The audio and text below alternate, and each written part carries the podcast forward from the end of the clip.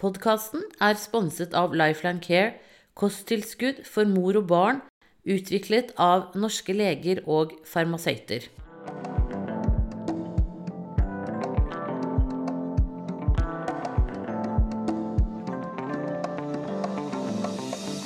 Eh, Nå skal vi snakke om forskjellige eh, allergier. Og med meg til, til det har jeg Vibeke Østberg Landås, som er klinisk ernæringsfysiolog ved Oslo universitetssykehus Rikshospitalet. Velkommen til deg, Vibeke. Dette kan du mye om. Tusen takk. Ja, det er det jeg jobber med i daglige. Mm. Ja, og da tenkte jeg at vi kunne ta liksom utgangspunkt i at når man da eh, har ammet en stund og skal begynne å introdusere annen mat, Mhm. da kan faktisk disse små nurkene være allergiske. Det kan de. Ja, Eh, Da er det jo noen som opplever at barnet plutselig reagerer på den der første morsmelksflasken eller den første babygrøten de får. ja, Eh, Og kanskje reagerer med voldsom oppkast eller med mm, elveblest. eh, Ja. Elveblest, det er skriking. Ja, nettopp. Tydelig ubehag. eh, Ja. Så du skjønner at det er en reaksjon. Ja. ja. Og da bør man jo ta en tur til legen, rett og slett. Da vil jo de fleste kontakte legevakta, rett og slett. Eller fastlegen eventuelt, hvis det er oppe. Eh, og så vil man ta allergiprøver med blodprøve. ja. Mm. Og da ser man etter Da ser man etter noen spesielt antistoffer, allergiantistoffer, IGE. Og de er jo da ofte forhøyet. Ikke alltid hvis det har skjedd veldig tidlig, fordi at eh, de minste de har kanskje ikke begynt å lage så mye antistoffene ennå. Så kanskje ikke helt du klarer å fange det opp ennå, men da skjer det ganske fort. Så da hvis du venter en par uker da, så har du dem. Ja. Um, og da tar man jo gjerne en litt sånn screening for flere allergener samtidig. Så det vanligste er jo at melk er først ut, fordi det er det barn får først. ja. Eh, og så eh, ja, unngår du kanskje neste allergisk reaksjon på egg fordi du nettopp har screenet barnet i forbindelse med utredningen av melkeallergien. Ja, Så da vil du liksom vente med de andre stoffene som barnet også slår ut på Ja, altså Hvis de da slår ut eh, tydelig på egg, f.eks., som er Ja. en ganske god test, eller nøtter, Ja. så vil du vente med å introdusere det. Ja. Mm, det vil du. Men hvis de er negative, så kan man prøve. Men da får man prøve litt forsiktig, da, ikke sant? Sånn, siden man er litt allergisk disponert. Så begynn med en liten mengde første gangen. Ikke sant? Kanskje en da, kvart teskje, f.eks. ja, med peanøttsmør, eksempel. Ja, eller en bitte, bitte liten Altså f.eks. en matvare som har litt egg i seg. Ja. Uh, ja. Og så øker du gradvis mengden.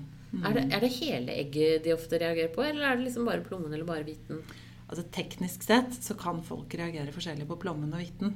Men det er veldig vanskelig å være helt sikker på at ikke du har med noe hvitten på plommen. eh, Ja, ja, sånn at det, vi anbefaler å unngå egg i alle sine former.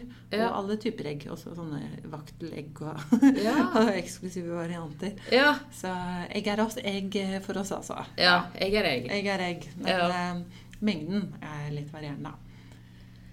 Men det som er jo viktig, da, hvis du først har et lite barn da, som faktisk har eh, melkeallergi, som er den vanligste allergien vår, er jo at um, de må jo få en behandling. De skal jo begynne å spise. Det er jo derfor de har fått i seg denne grøten. Ja. Eh, Så de trenger jo da andre produkter som gir like mye næring, og som ikke inneholder melkeprotein. Ja. Ja. Så da må de ha en melkefri type grøt. Og der er det egentlig bare to stykker i dagligvarehandelen som er, er jernberiket. ja. Så det finnes det noe på helsekost, men de må du i så fall tilsette eh, et sånn hypoallergen melkeerstatning, for de er ikke fullverdige i seg selv. Nei. Mm. Eh, og så trenger de nettopp en sånn melkeerstatning som jeg snakket om, eh, som du får på apotek, som er eh, et, et pulver eh, basert på eh, oppklippede melkeproteiner. Altså Ja. oppklippet kasein eller myse. Eh, og som de da ikke vil reagere på. Men det kan man da få på blå resept. Det får de på blå resept. Og eh, for alle som har vært borti de, så vet man at det smaker absolutt på ingen måte melk. Det smaker ganske grusomt. Okay. Så hvis man tenker at ja, men nå ammer jeg, liksom, så da kan, jo, da kan jeg fortsette å amme inntil 12 eller 15 måneder alder, eller hva man ønsker, så det er ikke så farlig med, med tilvenningen der. Da tenker jeg at da gjør du deg selv en bjørntjeneste, for da får du faktisk ikke barnet til å akseptere den smaken senere.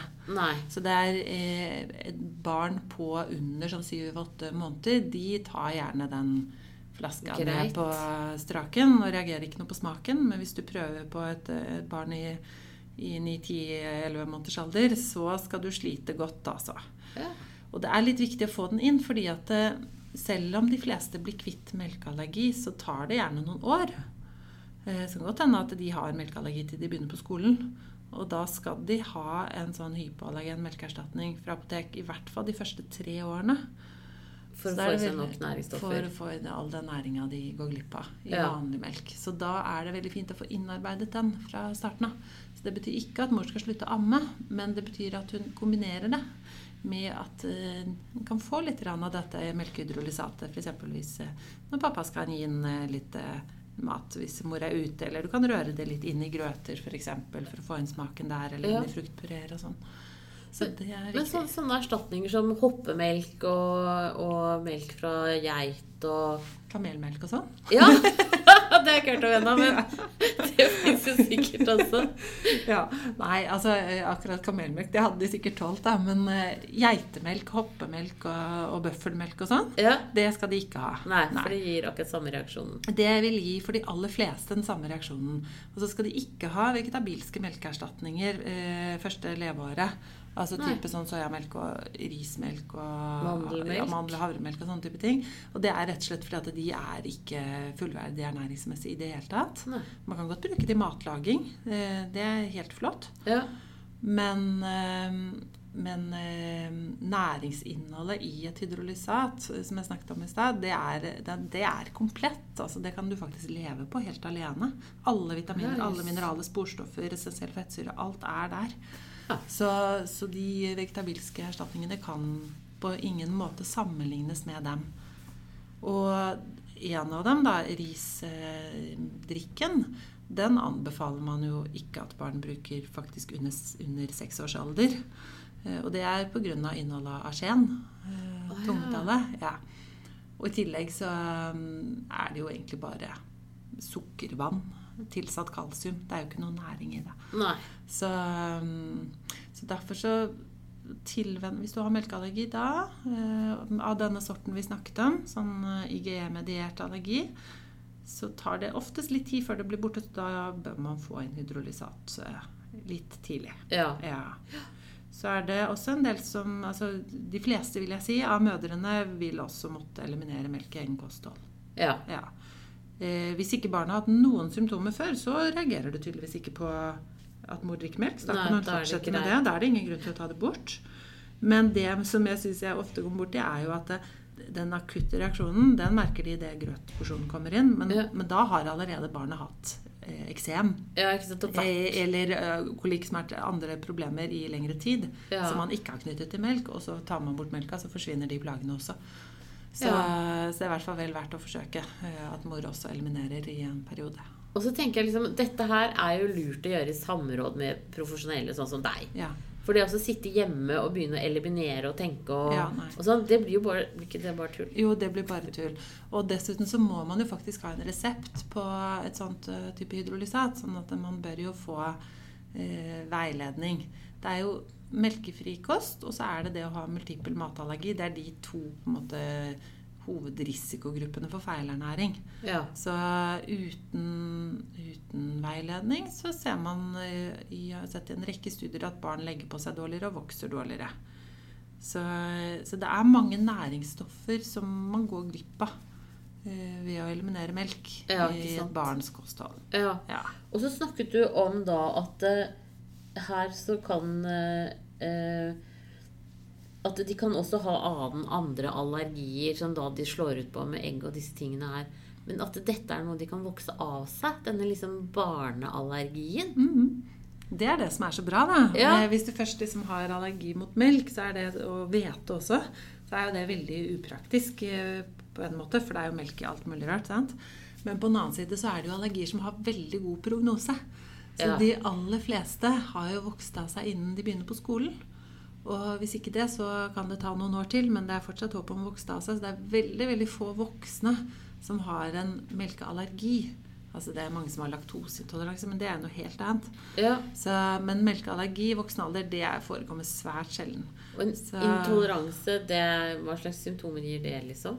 Er Intoleranse er litt sånn diffust begrep. Hva, Ja. hva er det på en måte? Altså, eh, laktoseintoleranse er noe helt konkret. Det handler jo om at ikke du spalter eh, melkesukkeret. Ja. Det er veldig vanlig. Det har 70 av verdens befolkning. Så det er egentlig det vanligste. Det er helt, Ja. helt ufarlig og helt uproblematisk. Bare bruke, da bruker du laktoseredusert melk isteden. Og laktosefri yoghurt. Og så, Du, kan du få vondt i magen og, og løs avføring hvis du spiser is og kremprodukter og brunost og prim. ja. Men ellers så kan du egentlig spise helt som normalt. Mens med melkeallergi så er det jo streng, streng melkeproteinfri kost. Da må du snu hvert brød og hver leverpostei og hver pølse og alt. ja. Så det er, eh, det er helt annerledes. Men, men også altså, melkeallergi har god prognose. Så de fleste barn med både allergi mot melk, hvete, egg og soya vokser faktisk av seg de allergiene. Det er jo kjempebra, da. Ja, det er veldig bra. Og det betyr jo at man bør på en måte ikke slå seg til ro med en sånn diagnose. Man Nei. bør eh, følges opp regelmessig. Ikke sånn at man kan følge disse blodprøvene og se når de begynner å falle. For de stiger gjerne til et sånn toppunkt rundt kanskje to, toårsalder, rundt der, og så begynner de å synke. Og når de har sunket til et passende nivå, Ja.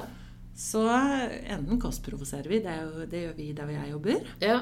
eller så har vi andre indikasjoner på toleranseutvikling ved at eh, de har ved uhell fått i seg noe. ikke sant? Ja. Og så har, kanskje de ikke har reagert. ja, ikke sant. Eller kanskje mye mildere For enn før. kostprovokasjon, det er rett og slett at de får de matvarene de er allergiske mot, i små doser Hos, på et sykehus. på et sykehus, Ja. sånn at de ikke får anafylaktisk sjokk eller Ja. Blir skitdårligere. Ja. Det, ja. Mm. Ja, men eh, så, så rett og slett det du sier da, det er litt det at hvis barn får så, sånn såkalt refluks, at de kaster opp mye eh, eller får veldig diaré og sånn, så kan det faktisk også være et tegn på allergi, da, hvis man har liksom introdusert eh, Hvis det kommer da rett etter at man har introdusert melk eller Mm. Ja, det er, altså det er litt sånn forskjell på de veldig sånn akutte som er mye lettere. Sånn som det jeg sa, at du har liksom du får en grøtporsjon, og så poff får du elveblest og oppkast og sånn. Da har du en helt klar allergisk reaksjon, og der Ja. disse IGE-antistoffene vil være forhøyet. Eh, Men så har du også en del barn, omtrent halvparten av de som, av spedbarna som reagerer på kumelk, de reagerer faktisk på en litt annen måte, altså hvor ikke disse antistoffene er positive. Du slår Ja. ikke ut på allergitester. Nei. Og de symptomene er litt mer diffuse. Det er nettopp sånn type eh, sånn som refluks, ikke sant? men litt sånn alvorlig refluks. da. Veldig Ja. plagsom. Eh, Behøver ikke ha melkeallergi fordi du har refluks. Nei, men, eh, nei, det kan være to Eh, forskjellige ting. magesmerter, eh, dårlig tilvekst, liksom faller av vektkurvene. Eh, ja, unormalt tynn avføring. eh, Skriking og kolikk, eh, smerter, topisk atopisk eksem. Alt dette her sånn er litt sånne mer diffuse symptomer. Og der er egentlig, hvis du da tenker at du mistenker at det har med melka å gjøre, for da forekommer dette vanligvis allerede mens mor ammer eh, oftest, Ja. da vil man prøve å eliminere i en periode på to til fire uker. Og så ser man om symptomene Når du da sier 'eliminerer', så er det at mor da ikke spiser, drikker melk. Eller spiser gulost eller mat med melk i det hele tatt. Ja. Det er hun eliminerer en fullstendig melk. Eh, Strengt, egentlig. I to til fire uker. Og så ser hun om symptomene blir borte. Ja. Eller man gjør det samme hvis barnet har begynt med fast føde. Mm. Og så reintroduserer du. Det er jo det viktige. ja, ikke sant. For da kan hende at de føler at det blir litt bedre når det blir borte, men så blir det ikke nødvendigvis verre når du tar det inn. Nei. Da beholder du det selvfølgelig. Ja, ikke sant? Mm. Nå, nå fikk jeg sånn der bilde på de, de som er veganere. Mm. Eh, mm, nå har jeg to eh, som jeg kjenner som har blitt vegetarianere i graviditeten. Men hvis du kjørte veganløpet helt ut, Mm. eh, er det da større sjanse for at det barnet blir allergisk mot melk enn enn hvis man hadde drukket melk i graviditeten? var Det er det ingen, eh, ingenting som tyder på. Nei, det var bra. Da glemmer vi det spørsmålet. Og så sier du det at er ofte sånn, de som har sånn tidlig allergi, de kan da få pollenallergi senere i livet. Ja, og det er det vi kaller for den atopiske marsj, som bare handler om et, eh, det å ha en allergisk disposisjon. Eh, Det er liksom flere sykdommer som ofte forekommer sammen. Og det ene tar ofte andre, så det ene begynner, og så blir det bedre, og så kommer det andre. Og, og det klassiske starten er jo atopisk eksem. Ja. Og så, som da kommer helt fra tidlig, helt fra barnet begynner å kunne klare å klø seg, egentlig. Ja. Og så kommer jo da melkeallergien, gjerne den første, og så kanskje noen flere matallergier. Og så begynner eksem å bli litt bedre vanligvis, og så forsvinner noen av matallergiene etter hvert som de kommer da ut i skolealder og sånn, ikke sant? ja. Men da kommer kanskje bjørkepollenallergien og gresspollenallergien som er de vanligste. Og da vil du gjerne få noen kryssallergier. Så hvis du har bjørkepollenallergi, så vil 70% av alle de ha kryssreaksjoner mot steinfrukter og rå gulrot. At du Ja. at klør i munnen da, sant? når du Ja, spiser epler og pærer og sånn. Og det er jo ikke farlig. Så det kan du rett og slett teste ut hjemme. Ja. Og så kan du se hvor plagsomt det er. Og noen de spiser epler selv om det klør i munnen. Og, ja, ikke sant. Ja. Andre tar og koker dem eller spiser dem i varmebehandlet form. Og da tåler de det gjerne godt. Ja, ikke sant? For her vil jo moralen være at du faktisk Det er ikke noe, som du sier, det er ikke farlig. Det er ikke Så her kan man liksom bare prøve seg frem og Ja, Vil det variere liksom eh, på en måte det gjør det. Det er veldig individuelt hvor mange kryssreaksjoner du har. Ja. Eh, De fleste har eh, noen, eh, men Og noen er jo også sånn at de reagerer mest i pollensesong og mindre på vinteren, f.eks. ja, ikke sant? Det er veldig, veldig forskjellig. I min erfaring er egentlig at de fleste reagerer hele året. Ja. Men at det er veldig store forskjeller på hva. Og noen tåler f.eks. Granny Smith-epler, men ikke Red Delicious. Liksom. Altså, ja, så Det De ulike typer eplesorter de tåler.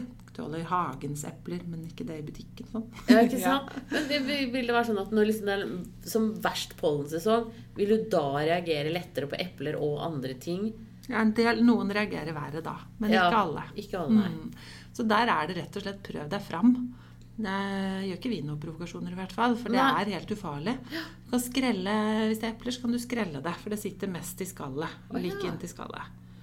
Eh, og så nettopp det med oppvarming av gulrot og potet og sånn. Altså Ja. Bjørkepollenallergikere med kryssreaksjon kan være fri, fristilt fra potetskrelling. Men, ja. for da kanskje de reagerer litt, men blir litt rød på huden og sånn. Ja. Men, eh, eller selvfølgelig hovner opp i øynene hvis de gnir seg i øyet. Ja. Eh, men eller ellers så koker potetene og koker gulrøttene, da. Ja. Mm, Ikke sant? At det, det. det med varmebehandling. Det hjelper. Ja. Mm. Ja, men Det er jo veldig kult. For, for da er jo liksom litt moralen også her prøv, prøv deg ut, og vær ikke redd for å gjøre det. Nei, det er det. Eh, Og det er nettopp der man må skille det farlige fra det ufarlige. Ja. Fordi det er klart at hvis du har en, eh, en alvorlig allergi, selv om, om uansett om det er melk eller peanøtter, ja. Så skal du ikke prøve deg fram. Nei. Da er det streng eliminasjon, og eneste sted du prøver noe, det er i samråd med, med lege på, På sykehus, sykehus, på en ja. allergiavdeling. Ja. Men hvis det er mer sånn milde symptomer, så kan du selvfølgelig prøve deg fram eh, hjemme. Så enten om det er en sånn ikke-mediert melkeallergi hos spedbarn, som gjerne forsvinner innen barnet er ett år. Ja. Det, det gjør det. Den har veldig, veldig god prognose. Eh, Eller om det er pollenallergi. Så må du også bare pent prøve deg fram. Og det samme i disse matvarene som gir eksema pluss, sånn som sitrus og kiwi og, og jordbær og sånne type ting. Prøv deg fram. Ja. Tåles gjerne bedre når huden er godt smurt og er i en god fase, og dårligere når, hvis du er litt tørr og litt på vinteren og sånn. Ikke sant. Mm. Men i hvert fall, eh, søk hjelp. Ja. Det Det er, en fornuftig eh, ting. Ja, ikke sant? ja. Ja, men dette her syns jeg var veldig oppklarende. Tusen, tusen hjertelig takk. Er det noe du vil tilføye før vi avslutter helt? Nei, tror, det er så mye å snakke om med allergi, men Ja. vi får lære det hva er det nå. Ja. Vi får få litt innspill fra de som hører på denne podden på om det er ting de vil ha mer detaljer om, så kan vi gjøre det. Det går an. Ja, men Kjempeflott. Tusen hjertelig takk, Vibeke Østberg Landås. Og du kan treffes på, på Rikshospitalet, rett og slett. Ja. Ja, Voksentappen. Gamle Voksentappen. Ja, ja, så hyggelig. Ja, men det er bra. Tusen takk. Ha det godt. Hei. Podkasten er sponset av Lifeline Care. Lifeline Care barn med omega-3 og D-vitamin og andre Lifeline-produkter er tilgjengelig i alle norske apotek.